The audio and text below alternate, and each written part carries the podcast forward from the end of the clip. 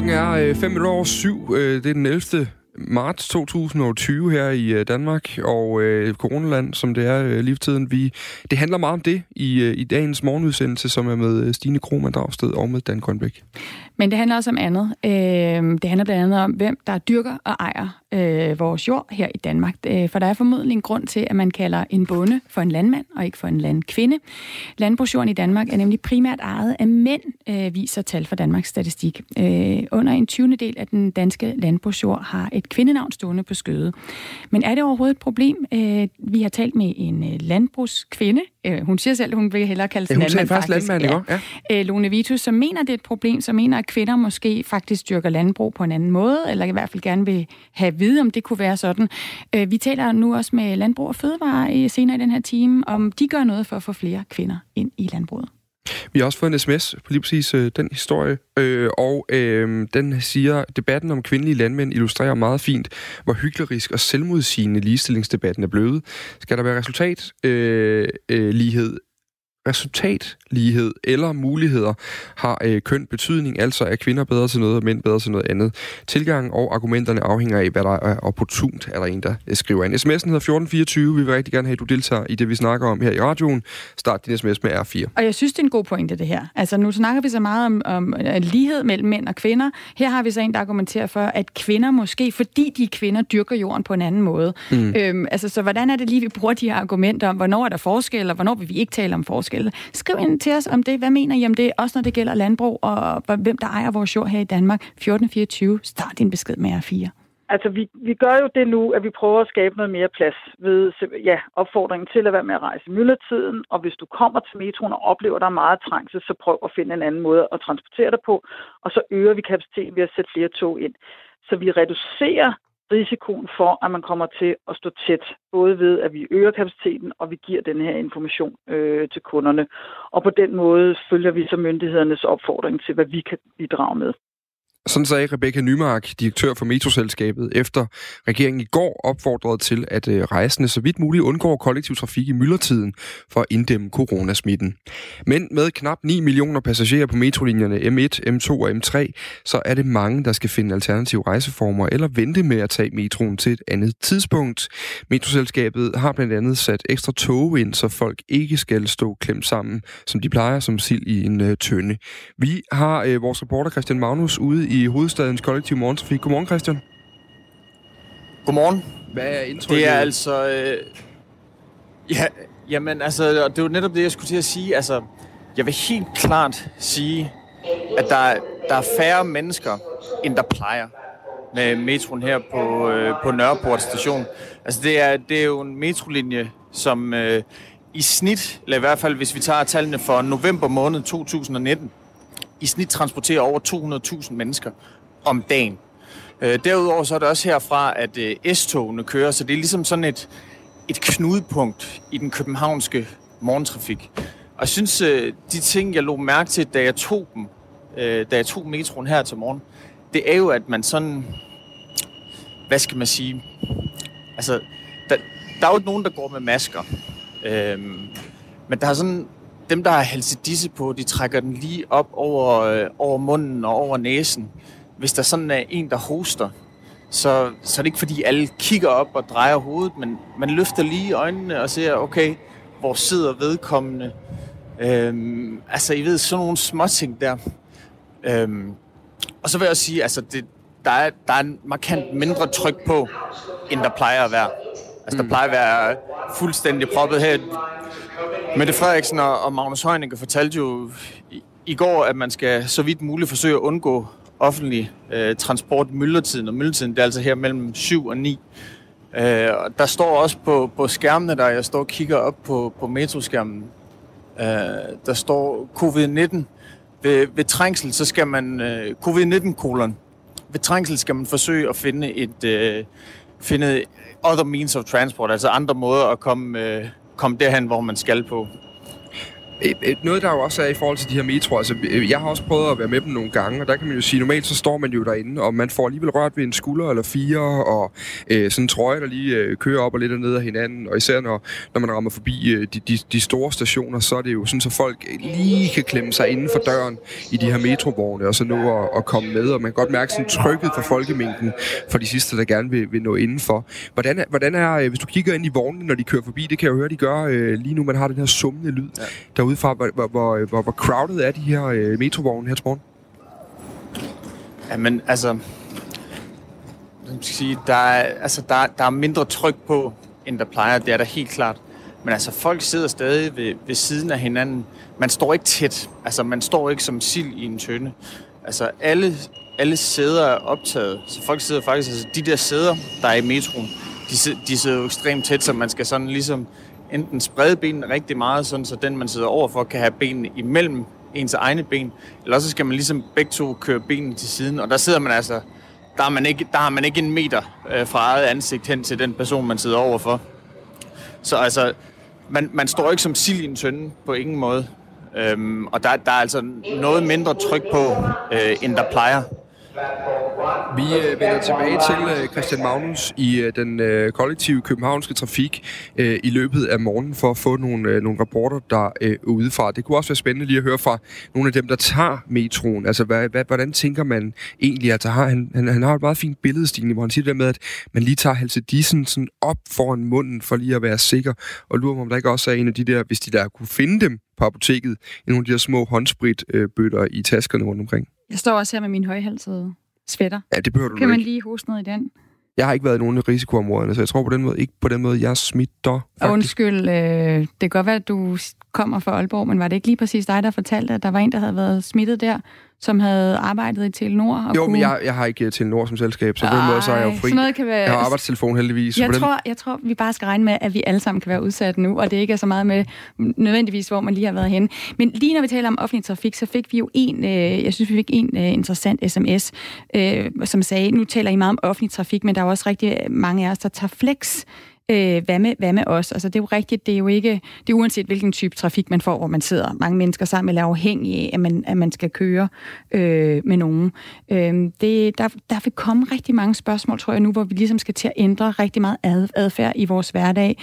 Øh, og vi ved jo ikke, hvor lang tid, måske de næste par uger, måske de næste par måneder, øh, mens vi håber, at øh, vi kan ligesom få trukket ud, hvor mange der bliver smittet på en gang med coronaviruset anbefalingerne fra regeringen på pressemødet i går i forhold til den øh, offentlige trafik, hvis du står og skal ud af døren nu lige om lidt og skal på arbejde, det er altså forsøg, om du ikke kan tage cyklen i stedet for. Se, om du ikke kan gå på arbejde. Øh, og hvis du er nødt til at tage offentlig trafik, så se, om du ikke kan gøre det uden for myldretiden. Er der mulighed for at ringe til chefen og spørge, om du kan møde kl. 10 i stedet for kl. 9, eller måske endda kl. 10.30, så du ikke behøver øh, ud i de her øh, myldretimer lige omkring nu. Der skulle være sat ekstra øh, metrovogne ind, blandt andet. Der skulle også være sat ekstra togvogne ind på DSB-strækninger, øh, og blandt andet Nordjysk Trafikselskab NT, som øh, driver øh, den regionale trafik i Nordjylland, meldte i går ud, at de havde øh, sat busser ind på flere togstrækninger også, så man ligesom kunne, kunne sprede folk ud over flere afgange og flere, øh, øh, hvad kan man sige, transportmidler øh, enheder. Øh, Dan øh, Tommy skriver ind, jeg synes øh, Radio 4 selv er med til at køre en hysterisk stemning op. Jeg vil sætte pris på at kunne lytte til en radiostation, uden at der bliver brugt næsten halvdelen af tiden på coronaviruset. Jeg ved ikke, om de findes lige nu. Men øh, vi skal nok, der kommer altså også andet, bare roligt, Tommy, så vi skal nok øh, komme hen over øh, nogle andre emner i morgens program også. Det bliver bare ikke lige nu, fordi det fylder altså øh, relativt meget, og det, og det begynder også, også at gribe ind i vores hverdag nu. Det griber ind i vores hverdag, og det fylder meget i, i, i øh, omverdenen også, og derfor så tager vi altså også lige en, en tur til Italien, hvor, som coronaviruset jo har lukket nærmest helt ned. Øh, I lang tid så har de i nordlige Italien, der har byer været tømt for mennesker, skoler har været lukket ned, øh, man har ikke måttet rejse ud af flere byer. Øh, det gælder nu, den her karantæne gælder nu simpelthen hele landet, sagde øh, ministerpræsident Conte øh, i, øh, i går. Han har erklæret øh, hele landet for en national nødsituation. Øh, og vi har nu journalist Martin Bjørk med os fra Milano, en af de hårdest ramte byer. Godmorgen. Godmorgen. Kan du beskrive, hvordan øh, der er lige øh, nu øh, i, i Milano? Som, altså, hvor mange millioner er det, der, der bor i Milano normalt? Der bor halvanden million øh, indbyggere i Milano, men, men til dagligdag så er der jo øh, over 3 millioner, der har deres, deres uh, trafik igennem byen. Ikke folk, der arbejder og så tager ud i forstederne. Jeg vil sige, når en lytter øh, skriver ind til jer og, og, og siger, at, at det er hysteri, så tror jeg måske, at øh, hvis man lige øh, vender ansigtet mod Italien og ser den kraftige stigning, der har været i, i antallet af, af smittede, og hvordan at det simpelthen har påvirket samfundet og lukket det ned, så tror jeg, at hvis det den situation skulle overføres til Danmark, så tror jeg ikke, man vil tale om, om, om altså, jeg tror ikke, der vil være spekulationer om, at, der, at, at det ikke var noget alvorligt, der var på spil her. Øhm, er alvoren Milano gået op var, for folk i Italien så nu? I, i den grad.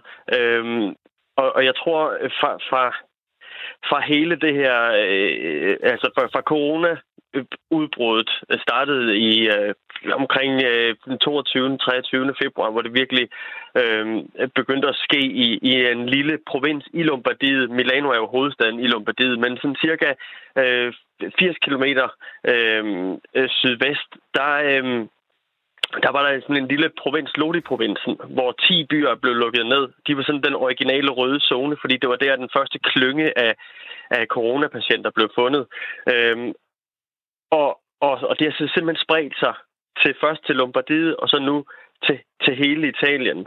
Øh, man kan sige, at Milano er en skygge af sig selv. Øh, det, det er tomme gader, det er, det er øh, metrostationer, med, hvor folk sidder øh, en meter fra hinanden og gemmer ansigter i, i jakkekraver og har har ansigtsmasker på og, og går simpelthen langt udenom hinanden. Ikke? Det er jo også en af, af, af de ting, de nye restriktioner, som, øh, som ministerpræsidenten og beredskabsstyrelsen offentliggjorde mandag, at, at man skal simpelthen øh, sørge for at holde sig væk fra hinanden, og man skal blive hjemme så meget som muligt.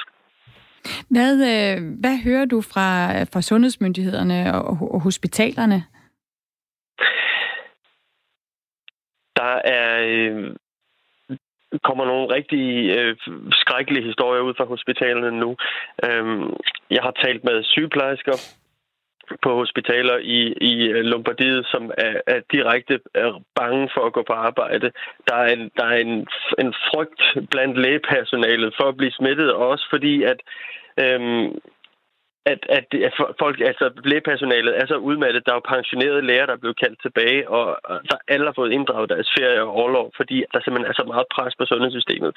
Det er sådan, at de er begyndt at få, øhm, de, de har ikke flere sengepladser, så de har måttet overflytte fra Lombardiet, som er den hårdest ramte region. Øhm, så har de simpelthen måttet overflytte intensivpatienter, der ikke er coronasmittet, til andre regioner for at gøre plads til de coronasmittede intensivpatienter øhm, på hospitalerne. Og, og de øvrige patienter på hospitalerne, som er indlagt, øh, de, de bliver nødt til at, og, øh, fordi der ikke er flere senge, så bliver de nødt til at ligge på, på ligeborg, som de har fået op fra kapellet. Altså det, det er den dur, vi taler om. Det er sådan en slags pres, der er på sundhedssystemet nu. Mm. Martin Bjørk, øh, i, i går her i Danmark, der stod vores sundhedsminister med sådan en, øh, en, en, sådan to kurver, som han viste, hvor han viste en, hvor der var en meget høj pukkel, som er den, man gerne vil undgå, og som er den, der egentlig er i Italien, hvor rigtig mange er blevet smittet, og dermed også rigtig mange er blevet meget syge på samme tid. Og så den her lidt fladere kurve, man håber, øh, man kan få i Danmark ved at, ved at forsinke, hvor mange der bliver, der bliver smittet. I Italien har man jo altså ikke nået det. Nu er I midt i den der meget høje pukkel. Vi hører, som du også siger, de her skrækhistorier. Jeg hørte et interview med en, med en læge fra Italien på BBC, som sagde, at øh, de har simpelthen ikke senge nok. De har ikke intensiv øh, øh, øh, behandlingssteder nok til dem, der er syge, de skal til nu at prioritere. Øh, hvad gør mm. regeringen så helt konkret nu? Altså, nu står man så i det her værste scenarie. Hvad gør man nu for at inddæmme virusudbruddet? Hvad er det for nogle restriktioner, der nu bliver indført? Øh, restriktionerne er øh, Måske bliver de endnu vildere. Øh, det er der i hvert fald snak om lige nu, hvor, øh, hvor, hvor guvernørerne i, øh, i Lombardiet og, og Veneto, de, de simpelthen vil have altså, fuldstændig lukket ned. Øh, og det er meget muligt, men der, det skal lige siges, at, at, at hvis man ser på sagen i Lodi-provinsen om de 10 byer, som jeg nævnte før, den originale røde zone, så er der faktisk godt nyt, og det er, at deres smittetal er ikke steget nu. Det er ligesom om, at det er bremset. Og de har altså oplevet en fuldstændig nedlukning der. Jeg taler med, med mennesker inde i Codogno, som er byen, hvor det hele udsprang fra. Øh, de har kun kunne gå på apoteket øh, og, og handle, og de, man skal have masker på gaden, ellers har man skulle være indenfor. Øh, og det har altså virket. Øh, og nu er det så det, som der bliver presset på, fordi nu er resultatet kommet ud, altså smittetallet er bremset, det er det, der virker. Øh, så, så de her rabiate de restriktioner med, at man ikke må tage ind i, i nabokommunen osv., øh, det er måske det, der skal til. Og jeg tror måske, at, at øh, altså, det er jo i hvert fald gået op for, for, for italienerne nu, øh, at, at jamen, det er måske simpelthen, så skal vi simpelthen bare bide det sure æble, og så blive indenfor i et par uger. Og altså, det er altså- måske det, resten af Europa også skal se til. Ja, der kan man jo sige, at italienerne er jo kendt for ikke at være så glade for at overholde byråkratiske regler og lytte til autoriteter. Øh, og det har jo måske så også haft nogle konsekvenser nu, men, men at, at, at, at, kan du se den der ændrede adfærd? Og hører vi om, at nu også over hele landet, der tager italienerne det her helt alvorligt? Jeg tror, at, at, at der er, altså ligesom al, alvoren er, er dæmmer for, for folk. I går kørte jeg mig en tur, øhm, selvom at det burde man ikke, ja, men, det? men det gjorde jeg, fordi jeg simpelthen... Nej, altså, det må, det må jeg jo godt, hvis det er, at jeg er ude i arbejdsøje med, ikke? Og det er jo i den forstand, at, at det er vigtigt for mig at finde ud af, hvad der er, der sker i verden, så jeg kan fortælle om det.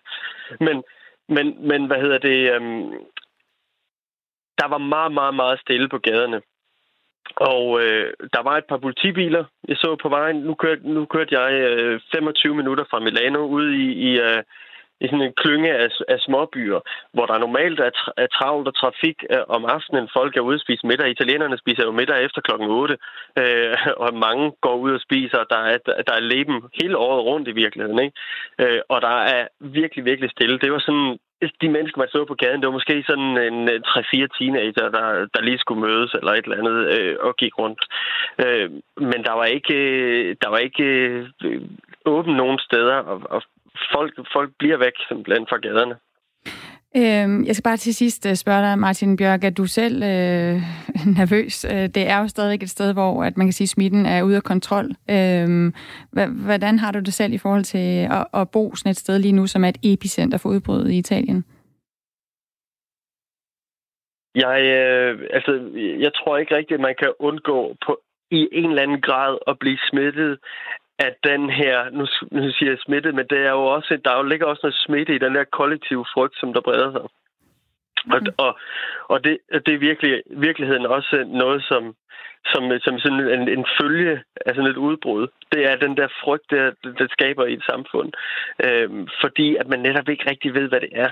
Jeg tænker, Øh, personligt, så tænker jeg på, på de mennesker, som jeg kender, som måske ikke er fysisk lige så robuste som jeg, altså ældre mennesker, øh, både øh, her og i Danmark, hvor jeg, hvor jeg tænker, øh, det vil jeg meget gerne undgå, øh, øh, øh, kommer til, til at være så alvorligt, som, som det har været i Italien.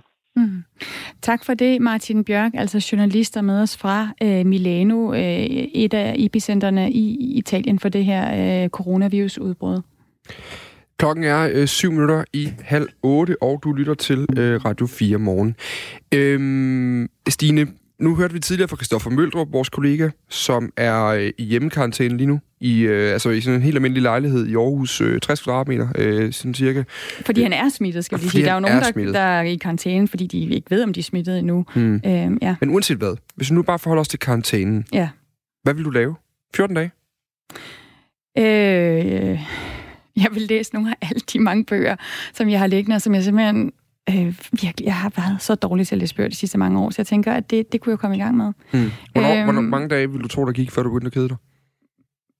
Det vil nok gå rimelig hurtigt, men nu er jeg jo en radioentusiast. Jeg elsker at lytte til radio, jeg elsker at lytte til podcast, og det kan man jo stadig øh, heldigvis stadigvæk, når man, øh, når man er i karantæne. Jeg kan godt forstå det. Jeg tror, det er sværere, end man tror. Jeg mm. tror, man tænker, at det er en dejlig ferie, hvor jeg lige kan lytte til radio og øh, læse mine bøger. Jeg, jeg er selv ret vant til det der med at kommunikere med min familie på øh, FaceTime og Skype, fordi at øh, jeg har jo noget familie, der bor i USA, som jeg ikke ser øh, altid så meget til hverdag. Øh, så lige den er jeg ikke helt så nervøs for. Øh, det, det er vi ret vant til, øh, det der med at, at sige hej til børnene om morgenen og aftenen. Mm. Men jeg kan godt forstå, at øh, det kan blive vanskeligt. 1100 personer lige nu sidder i karantæne herhjemme i Danmark. Enten fordi de er smittet, eller fordi de er i risikozonen for at blive smittet med coronavirus. Og tallet det stiger jo altså dag for dag, og det har netop fået mange til at overveje, hvordan man egentlig vil gribe situationen an, hvis man nu skulle i 14 dages øh, karantæne lige pludselig. Øh, godmorgen, Henrik Herold. Godmorgen. Du er direktør i Randers Regnskov øh, og har lagt en plan for, hvad du gør, hvis du bliver beordret i karantæne. Hvad kommer du til at gøre? Øh, altså, jeg øh, har jo sagt, at jeg, jeg tager en frivillig karantæne i, øh, i Randers Regnskov. Nu er det sådan, at Randers Regnskov har åbent, ligesom alle attraktioner har åbent for tiden, men vi ved jo ikke, hvad det er, at, øh, at der sker, og vi følger jo uh, regeringens anvisninger og, og ja, allerbedst jo vores sunde øh, fornuft. Det jeg i hvert fald ved, det er, at øh, skulle det komme til øh, den situation, hvor at, øh, at vi bliver nødt til at lukke Randers Regnskov, jamen så kan vi jo ikke bare uh, lukke døren. Så har vi jo... øh, 300-400 dyr, af de store i hvert fald, øh, hvad hedder det, som, øh, som jo stadigvæk skal, skal passes. Øh, det er jo vores fornemmeste pligt, og øh, øh, i den plan, jamen der har jeg sagt, at øh, der er jeg frivillig sammen med flere af mine dyrepasser og, og flere os, der ikke er, til at gå i karantæne i, øh, under kublerne i Randers Regnskov. Hvad har din familie sagt til det? De har faktisk sagt, at det, det synes de, det, det er okay. Øh, jeg plejer jo at sige, at det er mig, der har grundlagt Randers Regnskov, at øh, at øh, min kone og jeg, øh, vi, vi har tre børn, øh, øh, hvad hedder det, en, en dreng og en pige, øh, de er flyttet hjemmefra, og så er det tredje barn, som kom til verden næsten samtidig med dem, det er, det er Randers Regnskov. Så selvfølgelig øh, skal jeg tage derned øh, og tage mig, tage mig af det. Og, øh, og som de jokede om i går, så er det jo, det er jo et af de få steder, hvor at, øh, alle leverandørerne, de kender adressen, og der bliver ved med at komme mad, og så er der ført også fyldt op i, i skabet med, med øl, og, øh, og rigtig nok, jeg kan også rigtig godt lide at høre radio, så der kan jeg bare skrue op, hvis ellers I kan levere. Ja, men vi skal nok ja, sørge for, at der er nogen der i hvert fald. Jeg har, jeg har hørt rygter om, at der er et nødberedskab klar, hvis vi alle sammen vil lige pludselig Eller også, der, så skal vi gå i karantæne her i studiet. Det kunne jo godt. Så skal 14, vi have et lille, 14, 14 et 14 lille dage helt alvorligt herinde. Et altså, lille nødbus ind og lave mad på. Ja. Der er jo en altan, du kan stå og ryge på. Jo. Ja. Nå, uanset hvad, Henrik Herold, øh, jeg kunne godt tænke mig at øh, lige høre, fordi øh, helt konkret, så tænker jeg, hvis jeg skulle være 14 dage et bestemt sted, så ville jeg ikke tage et sted, hvor luftfugtigheden var et godt øh, sted over 8.000, var jeg ved at sige, og, øh, og der derudover øh, var øh, mere eller mindre eksotiske dyr overalt omkring mig. Hvordan ville det helt konkret foregå? Altså, er det et telt ude i regnskoven, eller hvordan... Øh Altså for det første, så siger det jo mere om, øh, mere om dig. Og jeg vil jo sige, at Randers Regnskov, det er jo et sted, øh, hvor at det, det er sommer altid. Hvad hedder det? Jeg kan bestemme, om det regner. Der er altid grønne planter. Øh, fuglene, de øh, flyver, og der er masser af eksotisk at gå ud og, øh, og opleve. Derudover så har vi også nogle lokaler ud bagved, så øh, det bliver ikke sådan øh, øh fuldstændig dampdrøbende, når jeg skal ligge at øh, sove. Det kan jeg i hvert fald vælge, at det ikke skal. Vi har jo en kæmpe stor øh, restaurant øh, med køkken og så videre, og øh, jeg tror, at øh, hvis ellers jeg får en, vi har faktisk også en udmærket seng dernede, øh, hvis der var nogen, der skulle komme til at få et ildbefindende. Så øh, jeg tror egentlig, at øh, øh, hvis, øh, når vi er nogle stykker, så er det jo heller ikke ensomheden, der trykker, og så, øh, så tror jeg, det bliver, så tror jeg, det bliver, bliver rigtig, rigtig skægt set i den øh, øh, ellers øh, træls situation, som øh, det jo er i. Har, har, du, I skulle have et medarbejdermøde i går, som jeg har forstået fra min, ja, øh, min kollega. Hvor, hvor, hvor, ja. mange, øh, hvor mange tager på Regnskovs øh, karantæne med dig, hvis det er? Altså, jeg havde i hvert fald, jeg siger, hvem øh, kan sådan lige på stående fod, øh, og hvad hedder det, der var øh, en seks stykker, der, der rakte hånden op, så øh, vi, øh, vi skal nok kunne, øh, kunne tage vare på det hele. Og øh, nu kan vi tage sådan et smil øh, på læben.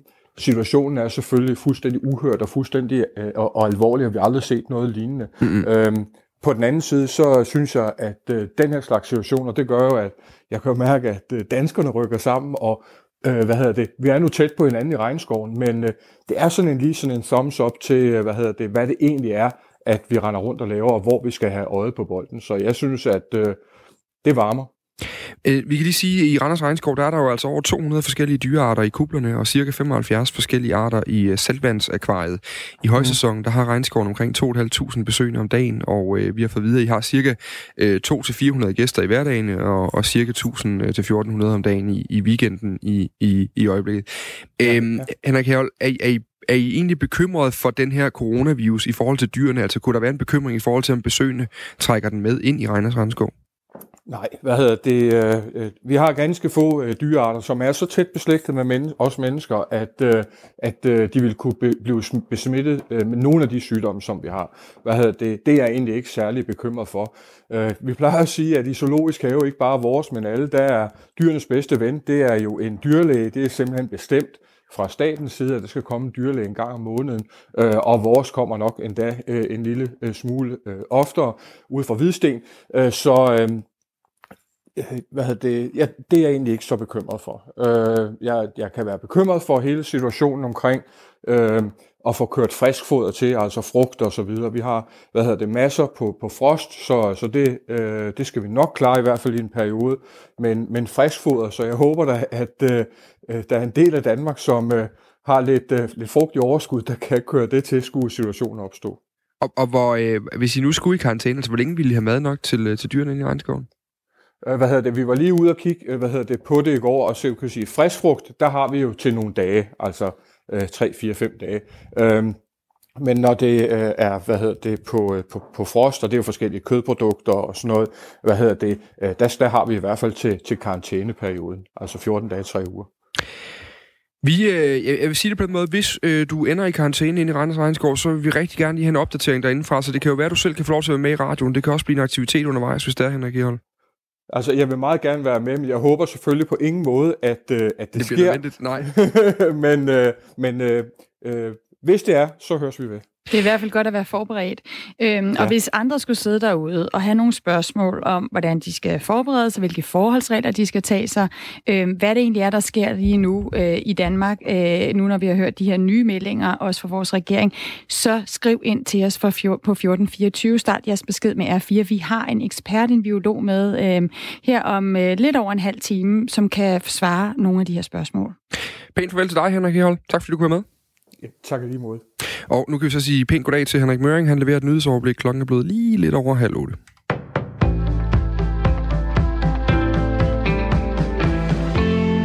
Sundhedsvæsenet skal have hjemmel til at prioritere hårdere, hvis coronavirusen spreder sig.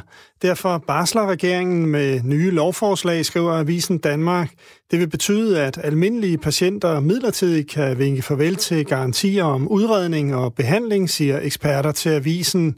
Ifølge Statens Serum Institut er det kun et spørgsmål om tid, inden strategien med at inddæmme coronavirus ikke længere holder. Og som det nærmer sig, er regeringen klar til at hasteindføre ny lovgivning, der giver sundhedsmyndighederne friere rammer til at prioritere kræfterne over til de coronasyge danskere. Ifølge professor og sundhedsøkonom Kjeld Møller Petersen og sundhedsjurist Kent Christensen, begge fra Syddansk Universitet, er en suspendering af patientgarantier den eneste vej, Folketinget kan gå, hvis den vil sætte sundhedsvæsenet mere fri til at prioritere coronaramte over andre patienter. 10 procent af danskerne vil blive smittet med coronavirus, og op til 5.600 vil dø. Sådan lyder det mest sandsynlige scenarie for forløbet af den frygtede nye sygdom covid-19 i Danmark, ifølge en ny risikovurdering udarbejdet af Sundhedsstyrelsen og Statens Serum Institut, skriver Berlinske. Samtidig anslår man i rapporten en dødelighed af sygdommen herhjemme på mellem 0,3 og 1 procent. Det er i den lave ende i forhold til den dødelighed, man hidtil har set i Kina eller i Italien, hvorfra der i de seneste par uger er blevet eksporteret talrige smittetilfælde til en lang række lande, herunder Danmark. Risikoen for, at vi i EU og herunder Danmark vil se øh, smittekæder ligesom i Norditalien, er vurderet til at være høj, står der i rapporten. 10 procent, svarende til 580.000 smittede herhjemme, indebærer, at omkring 60.000 patienter vil skulle håndteres i sundhedsvæsenet over en tre måneders periode, med flest smittede i den midterste måned. Malling Skole syd for Aarhus lukker midlertidigt, da to af skolens elever er smittet med coronavirus. De to elever og deres skolekammerater i 5. klasse samt deres to lærere blev i mandag sendt i hjemmekarantæne. Men efter opfordring fra Styrelsen for Patientsikkerhed, så lukker skolen nu de næste to uger, siger direktør i børn- og ungeforvaltningen i Aarhus Kommune, Martin Østergaard. Malling skole lukker, fordi at øh, Styrelsen for Patientsikkerhed har haft kontakt til skolen og anbefalet, at den bliver lukket ned. Børn og ansatte var i skole i går som sædvanligt. Først efter skoletid blev beslutningen om lukningen truffet. Martin Østergaard mener ikke, at skolen har reageret for sent, da den udelukkende følger styrelsens råd. Vi har kørt nøjagtigt efter Styrelsen for Patientsikkerhedsregel.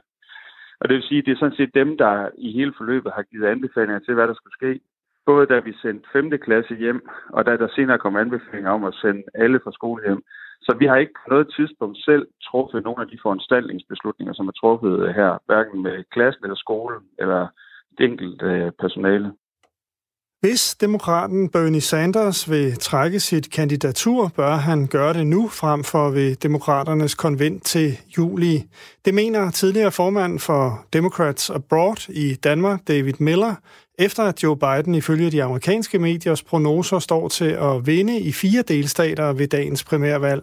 Ikke kun fordi det er nok godt for amerikanere, at, at, at især på sundhedsområdet og, og de høje uddannelser, altså efter min mening, men, men, men også for at give en bedre mulighed at, at uh, tiltrække Sanders vælger til at stemme på, på Biden.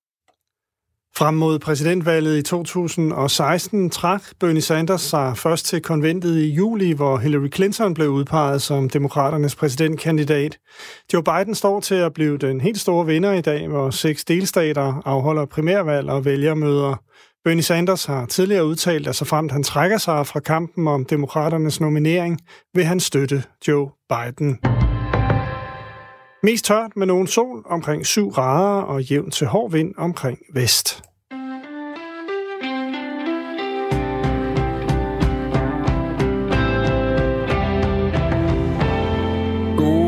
Lytter til Radio 4 Morgen med Stine Krohmann Dragsted og med øh, den Grønbæk. Og øh, ikke med lyden Som... af en kuglepen. Nej, du sidder med en kuglepen. Jeg har men... en kuglepen, jeg bruger den, men den er altså bare... Øh, jeg ved faktisk ikke, det er den der evige debat om, er en kuglepen, er den åben eller øh, lukket, eller er den tændt eller slukket? Hvorfor taler vi om en kuglepen nu? Det gør vi, fordi det nogle gange, når vi har interviewet, lyder som om, at Dan, han sidder, det kunne også være mig, der sidder og klikker med en kuglepen. Stine det der nogle af... du, øh, du øh, tager en anden øh, vej nu, end det spørgsmål, jeg stillede dig.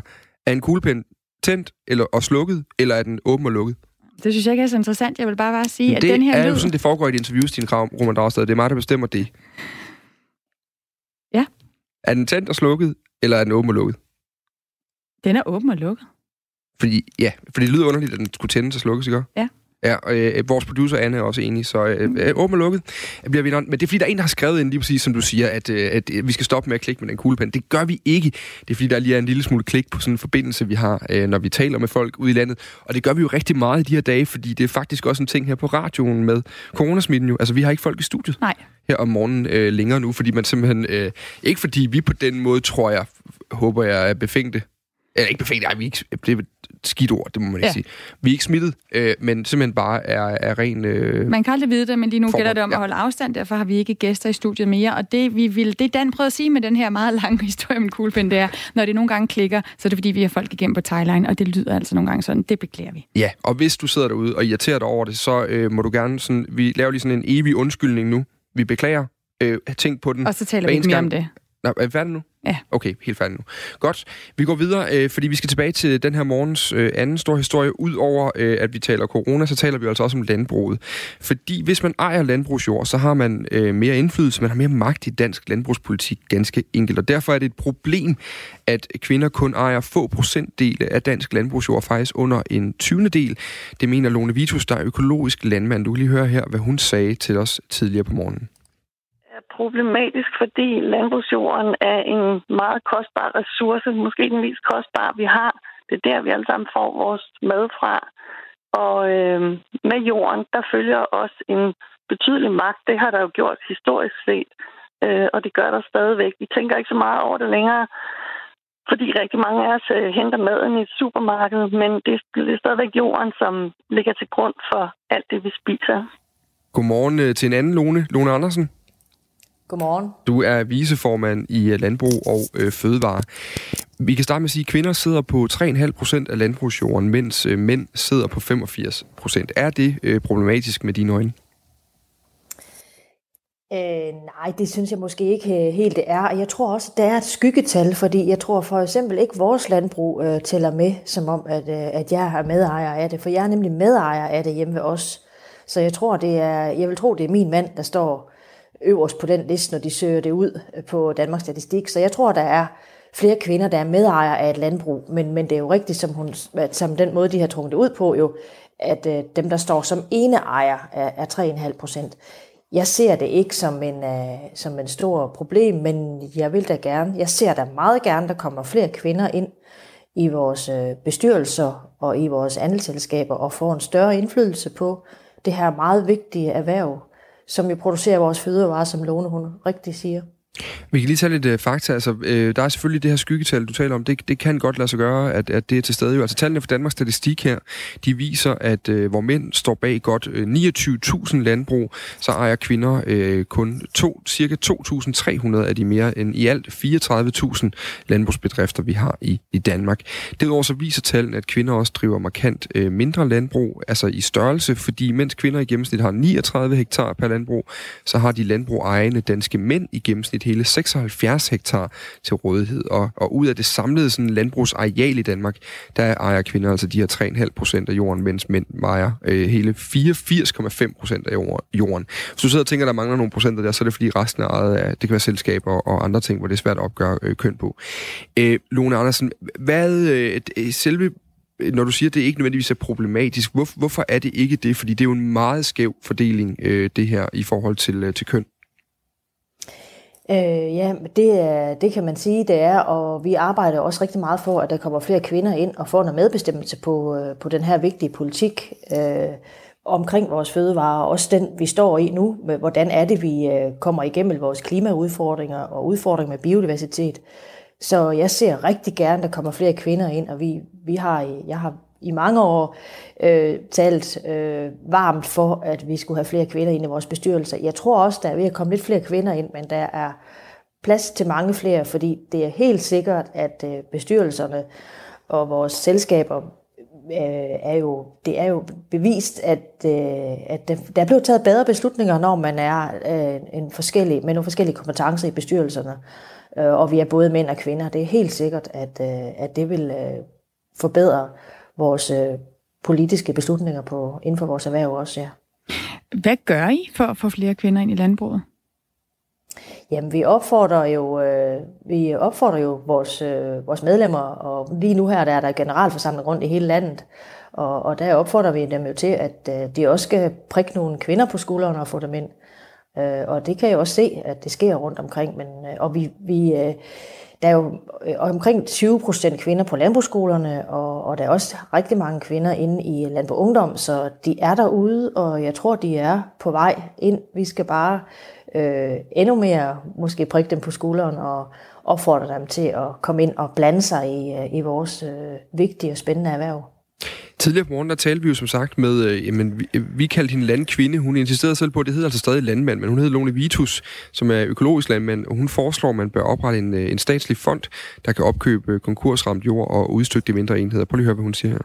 Så jeg vil foreslå, at der bliver oprettet en statslig jordbrugsfond, hvor det er os som samfund, altså staten, der overtager for eksempel konkursramte landmænd eller landbrug og udstykker de her ejendomme i mindre øh, produktionsenheder, synes at unge mennesker har en reel mulighed for at komme i gang med landbruget og prøve nogle andre driftsformer af, end øh, dem med meget stor intensiv husdyrproduktion og monokultur. Hvad, øh, hvad, hvad siger øh, du til det her øh, øh forslag, Lone Andersen? Kan Landbrug Fødevare støtte op om den idé? Jamen, øh, generationsskift er en kæmpe stor udfordring, og alle mulige forskellige øh, forslag til, hvordan vi kan øge øh, generationsskift på forskellige måder, der er det her jo et, øh, også et godt forslag, som, man kan, som måske der kan blive, blive arbejdet for. Nu er jeg også formand for, for familielandbruget, altså for de mindre landbrug i Danmark, og der arbejder vi netop for, at det skal være muligt at gå ind og, øh, og købe mindre ejendomme og udvikle sig for andre, øh, for, øh, fra mindre ejendomme, Øh, så, så jeg er, er meget øh, interesseret i, at man, vi også stadigvæk er muligt at, at købe og, og udvikle og drive de små ejendomme, øh, uden at det er alt for byråkratisk, øh, og uden det er for dyrt at drive dem, altså, så, det, så det stadigvæk er lovgivningsmæssigt muligt. Så, øh, så det, det håber jeg stadigvæk, at det arbejder vi stadigvæk for. Vi har blandt andet lige fået, øh, fordi der er jo også forskel på, det sagde jeg også i sidste udsendelse, der er jo også forskel på, om du er fars øh, datter eller søn, altså om du er fra en gård af og skal mm. købe en ejendom, der er det jo nemmere at gå ind og købe en ejendom, end det er i fri handel, altså hvor, hvor man ikke er fra en gård af. Og dem er der faktisk 70 procent på landbrugsskolerne i dag, er jo ikke landmandssønner eller, eller døtre. Og der har vi lige fået... Øh, der har vi arbejdet for i 10 år, blandt andet i familielandbruget, men også i Landbrug og Fødevare på at lave et sælgepantebrevsmodel, som gør, at det er nemmere at lade nogle penge stå i ejendommen til den næste øh, Øh, køber, der kommer ind. Og det er lige trådt i kraft nu her den 1. januar øh, i år. Og jeg har faktisk en hjemme i min medlemskreds, der lige præcis har handlet her 1. marts på den måde øh, til et, mindre, et meget mindre landbrug, øh, og til nogen, som ikke er fra, land, øh, fra landet af, som, som overtager. Så, så der er nogle ting i gang. Vi arbejder på de her ting, fordi jeg mener, det er vigtigt. Vi både har store landbrug i, i Danmark, men vi også har små og mellemstore landbrug, så det er en mangfoldig forskellige slags landbrug, vi har i vores land. Ja, der, der er en, der skriver ind til os her nu, øh, Lone Anders, mens vi snakker sammen, som skriver, det er simpelthen sindssygt, at man finder problemer i, hvilket køn, der ejer jord.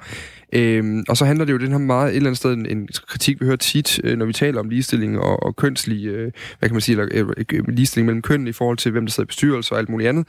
Og en, der siger her, øh, er der nogen, der øh, har man spurgt kvinder, om de har lyst til at eje jord, eller sidde i bestyrelser, eller være lastvognsmekanikere. Ikke fordi de hverken skal have øh, lyst til at gøre det, men fordi der sidder nogen, der mener, at det skulle være et problem, at de ikke laver noget, som andre har opfundet, øh, er problematisk. Altså er det her et, et opfundet problem, eller er, der, er, er det, handler det simpelthen bare om, at kvinderne ikke gider landbruget? Øh, det er jo helt klart, at, øh, at man skal give det og ville det. Og dem, der vil og gider, de kommer ind i bestyrelsen, og dem, der vil og gider købe et landbrug, de køber også et landbrug. Vi havde øh, for et par år siden, øh, der havde vi øh, øh fremtidens landmand. Det var en, en kvindelig landmand, vi udpegede, øh, der, der vandt det øh, i Landbrug og Fødevare. Så, øh, så hvis viljen er der, så er, er det altså fuldstændig lige så nemt for en kvinde at gå ind og købe et landbrug, som det er for en, for en mand. Og det er også øh, nemt at stille sig op til en generalforsamling og sige, jeg vil rigtig gerne vælges, jeg har de her holdninger, øh, og så kæmpe for det, og så øh, komme ind. Så der er ikke nogen barriere for, at øh, kvinderne ikke kan komme til at eje mere jord, eller komme til at, at få mere indflydelse i vores bestyrelse. Og Lone Andersen, mener du, at det er decideret vigtigt, mm, at der er flere kvinder? Altså at den her kønsfordeling bliver mere lige? Det er jo også det, nogle af lytterne spørger til. Hvorfor gør det overhovedet noget, om det er mænd eller kvinder, der dyrker vores jord? Øhm, gør ja, det en forskel? det synes jeg er vigtigt, at vi har flere kvinder inde og, øh, og ser på øh, og er med til at, at lave politikken. Det er jeg helt sikker på. Nu går jeg rigtig meget op i, øh, i biodiversiteten og den udfordring, der er omkring vores biodiversitet i, i, vor, i hele vores land og også omkring vores landbrugsarealer. Og, øh, og, og det er, er noget, som jeg har presset på med faktisk i mange år, vi skulle interessere os for. Og jeg tror måske, det ville gå lidt hurtigere med det, hvis vi havde siddet flere kvinder øh, som også synes, at det her det var en, en god idé. Og sådan kan jeg måske godt tage nogle, nogle eksempler. Og, og det er ikke for at, at klandre nogle af mændene på nogen som helst måde, men det er bare for at sige, at øh, hvis man er en, en minoritet i en, øh, i en bestyrelse, så kan det jo være svært at få nogle, nogle ting igennem. Mm. Så det er, øh, jeg er helt sikker på, at det vil forbedre mange beslutninger. Og det er jo også øh, videnskabeligt bevist, at man, øh, hvis der er mindst en tredjedel af, af begge køn i, øh, i bestyrelser, så bliver der taget nogle bedre beslutninger. Så øh, jeg synes, det vil være fantastisk, hvis vi fik nogle flere kvinder. Det vil være rigtig godt, og det håber jeg også, og det arbejder vi også på, at vi får. Lone Andersen, lige til allersidst, så hæftede jeg mig ved noget andet, Lone Vitus, øh, hende her landmand, øh, vi talte med tidligere på morgenen, sagde. Fordi hun har selv trukket de her tal fra Danmarks Statistik. Og, hun, og så spurgte vi hende ind til, jamen, jamen er det et problem, det her, alle de her ting? Og så siger hun, jamen det ved vi faktisk ikke, for vi ved, vi ved jo ikke særlig meget om øh, kvinder kontra mænd i landbruget, og hvem der er og hvad, og hvordan de dyrker det, alle de her ting. Ved vi for lidt om det her område til faktisk at kunne, øh, kunne arbejde aktivt med det? Ja, det kan godt være, at vi, vi ved for lidt om det, men øh, for mig der er det allervigtigste, det er, at vi, øh, vi rykker i den rigtige retning, og vi stadigvæk har nogle sikre fødevarer, og, og det stadigvæk er tiltrække nogle unge mennesker, der gerne vil ind i, i vores øh, landbrugserhverv og, og i vores spændende erhverv, øh, uanset om det er kvinder eller mænd. Så øh, jamen, vi, vi ved måske for lidt om det, ja, det kan mm. godt være. Tusind tak, fordi du var med i hvert fald, Lone Andersen, viceformand i Landbrug Fødevare. Selv tak. Og klokken er blevet godt og vel 11 øh, minutter i 8.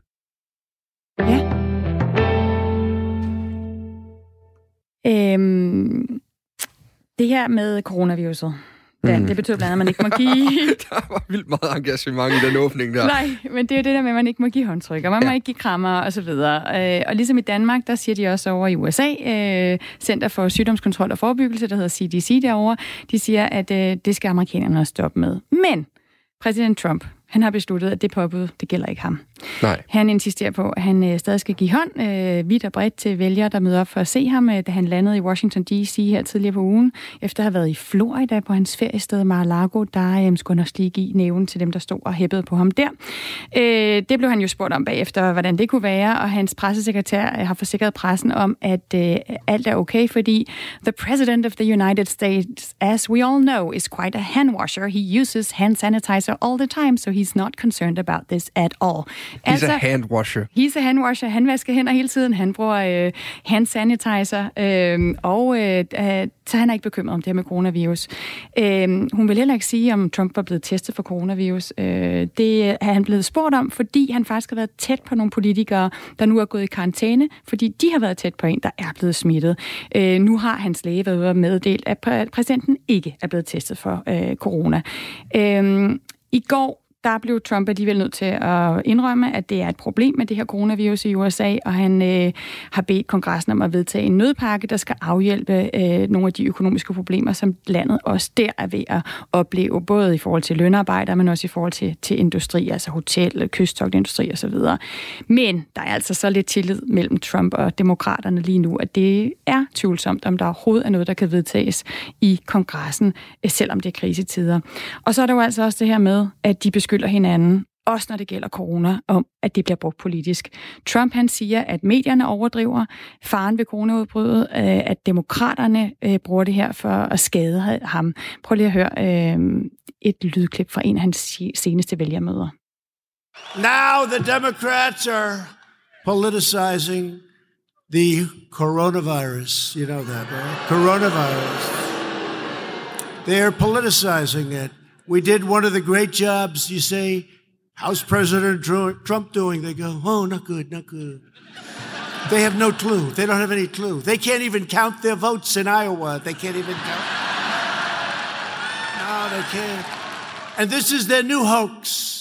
Det er deres nye hoax, det her med coronavirus. Og han, øh, han har ved at forsvare sig. Han siger selvfølgelig, at coronavirusen i sig selv ikke et fupnummer, øh, men det bliver brugt politisk. Øh, men der er altså nu republikanske politikere, der går ud og kritiserer, at Trumps udtalelser ofte står i modsætning til resten af hans regering og til de øh, sundhedsmyndigheder, som altså prøver at få amerikanerne til at tage det her alvorligt, for vi har eksempler på amerikanere, på Trump-tilhængere, der har gået ud og sagt offentligt, at de ikke tror, at der findes et coronavirus overhovedet. Og så kan vi også bare lige sige til sidst, at coronaviruset i USA, det påvirker økonomien, det påvirker sundheden, og så påvirker det også den valgkamp, der er i gang. Nu øh, har man flyttet nogle af de afstemninger, der er i gang i primærvalgkampen, ud af plejehjem, så at man ikke får folk ind der, hvor der er de allermest udsatte. Øh, Joe Biden og Bernie Sanders, øh, de har aflyst vælgermøder. Det er altså de her, der gerne vil være kandidater, øh, der stiller op imod øh, Trump til november. De har aflyst vælgermøder i blandt andet Ohio, som skal stemme her næste tirsdag. Og det er jo fordi, bare til lige sidst, øh, Dan, så er vi med på den, det handler også om alder. Trump er 73, Biden er 77, Bernie Sanders er 78. De ligger altså lige i risikogruppen alle sammen. Det er rigtigt. Ja, så øh, det er jo nogle ældre herrer, vi har med at gøre over i USA. Det har jeg øh, faktisk ikke rigtig tænkt på. Så der er en, en øget fare der. Lige nu er der øh, godt og vel syv minutter til, der er nyheder her på øh, Radio 4, men øh, vi skal endnu en gang lige en tur ud i øh, trafikken. Giver vi jo så information til kunderne om, hvordan de bør forholde sig og følge myndighedernes anbefalinger til, at man skal holde sig væk, hvis man er syg eller føler sig syg, og så skal man have en rigtig høj hygiejne, det her med at få vasket hænder og få dem spritet af og de øvrige ting. Så det giver vi et ordentligt tryk på.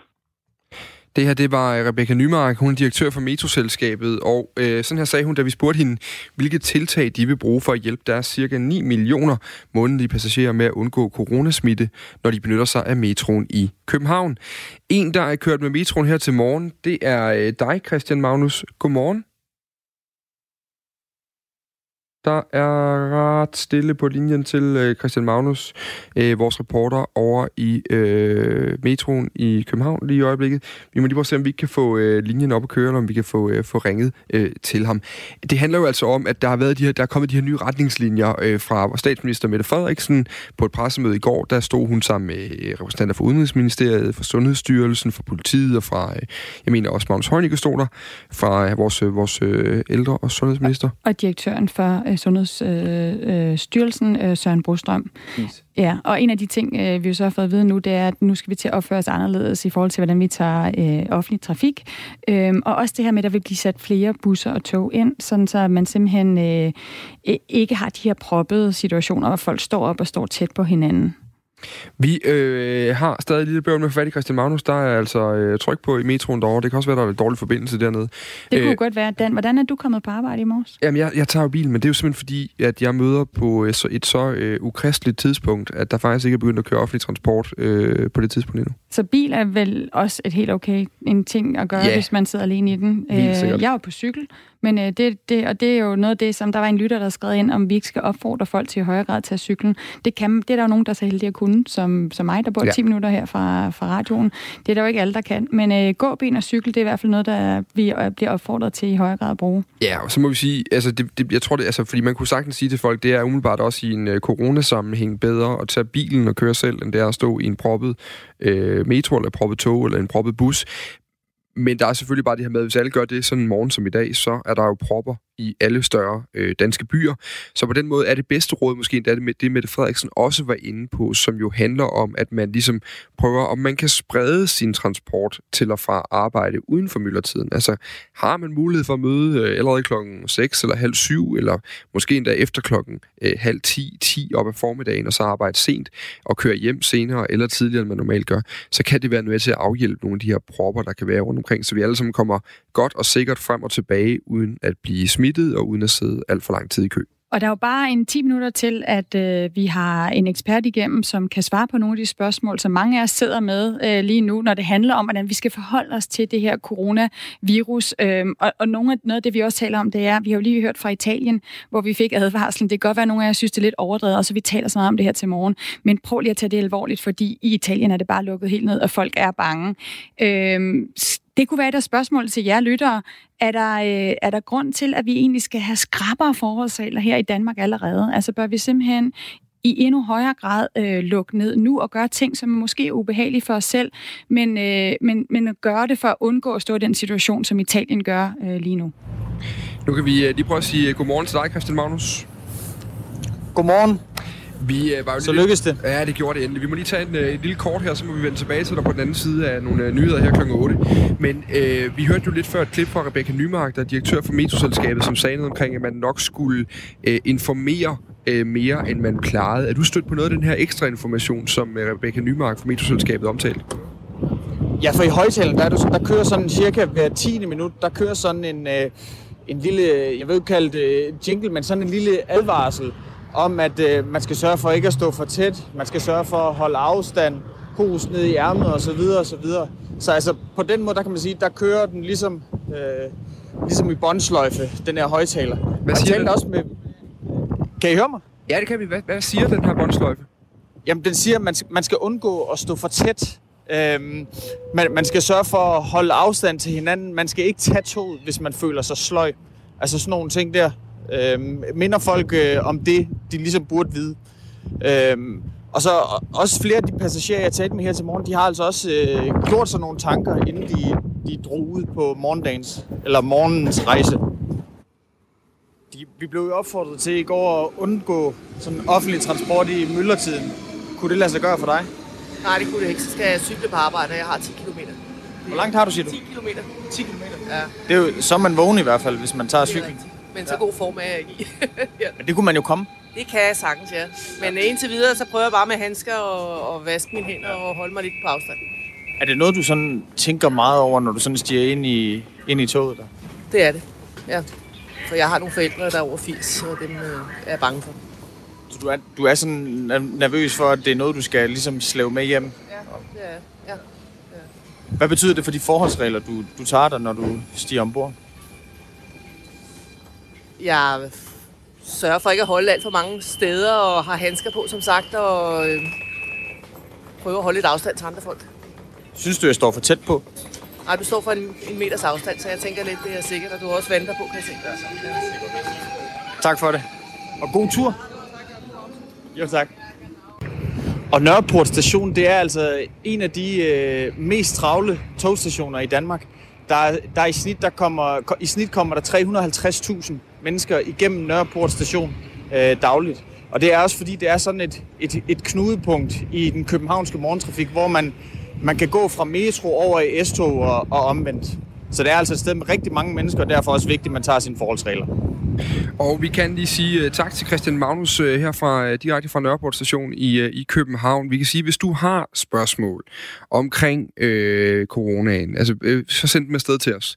SMS'en hedder 1424. Du skriver R4 først, og så sender du dem ind til os, og så har vi altså besøg af en biolog, øh, en ekspert i, i de her ting på den anden side kl. 8, som vi nok skal stille spørgsmål, så må vi se, om han kan svare på det hele. Det er et relativt bredt spektrum, der kan være alt lige fra inddæmning til transportmuligheder, til om jeg bliver syg, og hvordan det er at gå i karantæne. Men vi skal nok sende det sted i hvert fald til ham, og så må vi, øh, må vi se, hvor meget der kommer derfra.